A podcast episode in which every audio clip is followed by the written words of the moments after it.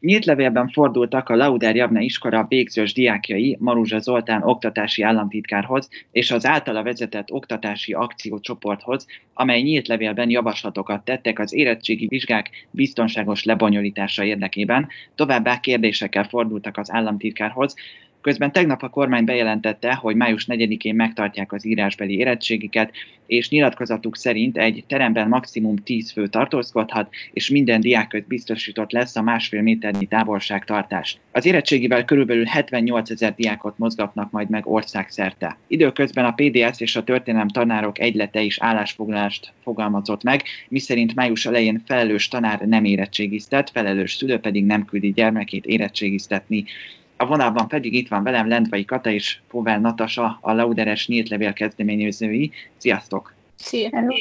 Még mielőtt itt részletesebben beszélnénk a nyílt levélről, annyit kérdeznék tőletek, hogy mit szóltatok a, a kormány tegnapi bejelentéséhez, hogy megtartják az írásbeli érettségiket, és hogy mit láttok, hogy mennyire vették figyelembe a javaslataitokat? Hát én úgy gondolom, hogy a javaslat részben figyelembe vették, mivel a javaslatunkat az ő eredeti javaslatuk alapján írtuk.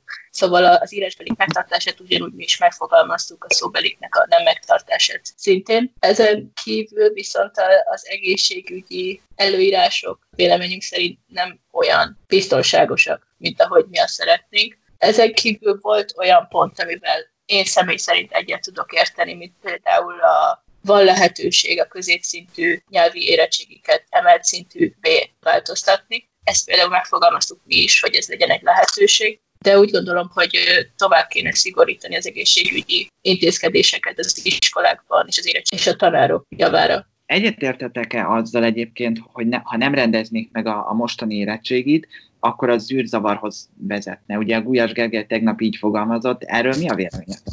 Hát a továbbtanulást tekintve szerintem ez, ez valóban így van, és nem. Ezt a levélben is megfogalmaztuk, meg szerintem mindenkinek ez az álláspontja, hogy nem nincsen tökéletes megoldás, és valóban nem lehet egy ilyen egyszerű megoldásra megoldani azt a problémát, hogy nincsenek érettségi, hiszen továbbtanulás az ezek szükségesek, és ez válogatná meg, hogy ki az, aki valóban bekerül, és ki pedig nem kerül be egy egyetemre. Szóval ezzel egyet tudunk érteni szerintem mindketten. Én azt még hozzátenném, hogy mi megfogalmaztunk egy olyanféle megoldást az emelt szintű szóbeliknek a pontszámolására, ami mutathat egész élethű pontszámokat az alapján, hogy mik a diákok jegyei. Szóval nem, nem gondolom, hogy az, ez a az opció is lehetetlen lenne, hogy ne tartsanak érettségit, mert arra több megoldás is születne, mint például az elmúlt négy év átlaga a diákoknál, hogy ez a, hányados, amit mi is leírtunk, azzal átszámolható lenne a százalék is, ugye.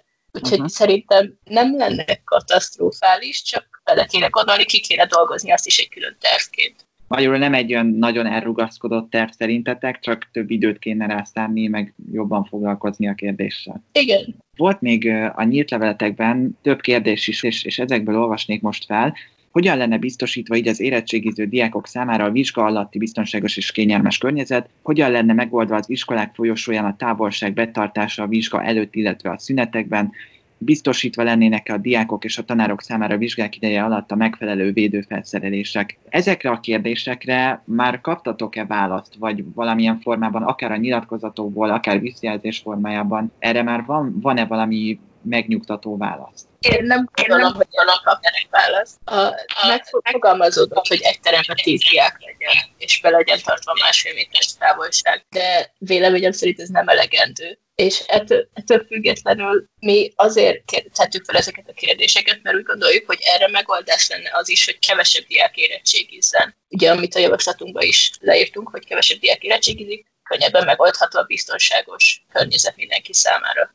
Ugye itt, ami szerintem még fontos kérdésként felmerül, az például az, hogy az idősebb tanárok számára mondjuk hogy lenne biztosítva az érettségi, hiszen ők is kötelezve vannak, hogy bemenjenek. Sok olyan tanárotok van, akit így féltetek ettől a helyzettől, vagy ez mennyire egy jelenlévő probléma nálatok? Hát nem egy olyan tanárunk van, aki szerintem 60 év fölött van, tehát részben saját tapasztalataink miatt írtuk ezt a kérdést a, a javaslat vagy levélbe, részben meg hát tudjuk, hogy, a, hogy hogy ez, ez így van, és szerintem nem, nem tehát az idősek vannak kifejezetten veszélyeztetett helyzetben, de ugyanúgy fontos lenne szerintem azt is, ahogy a levélben ezt leírtuk, számításba venni, hogy nagyon sok olyan diák van, akinek idősebb szülei vannak, vagy pedig egyházban laknak a nagyszülőkkel, és ők is így ki vannak téve a megfertőződés veszélyére.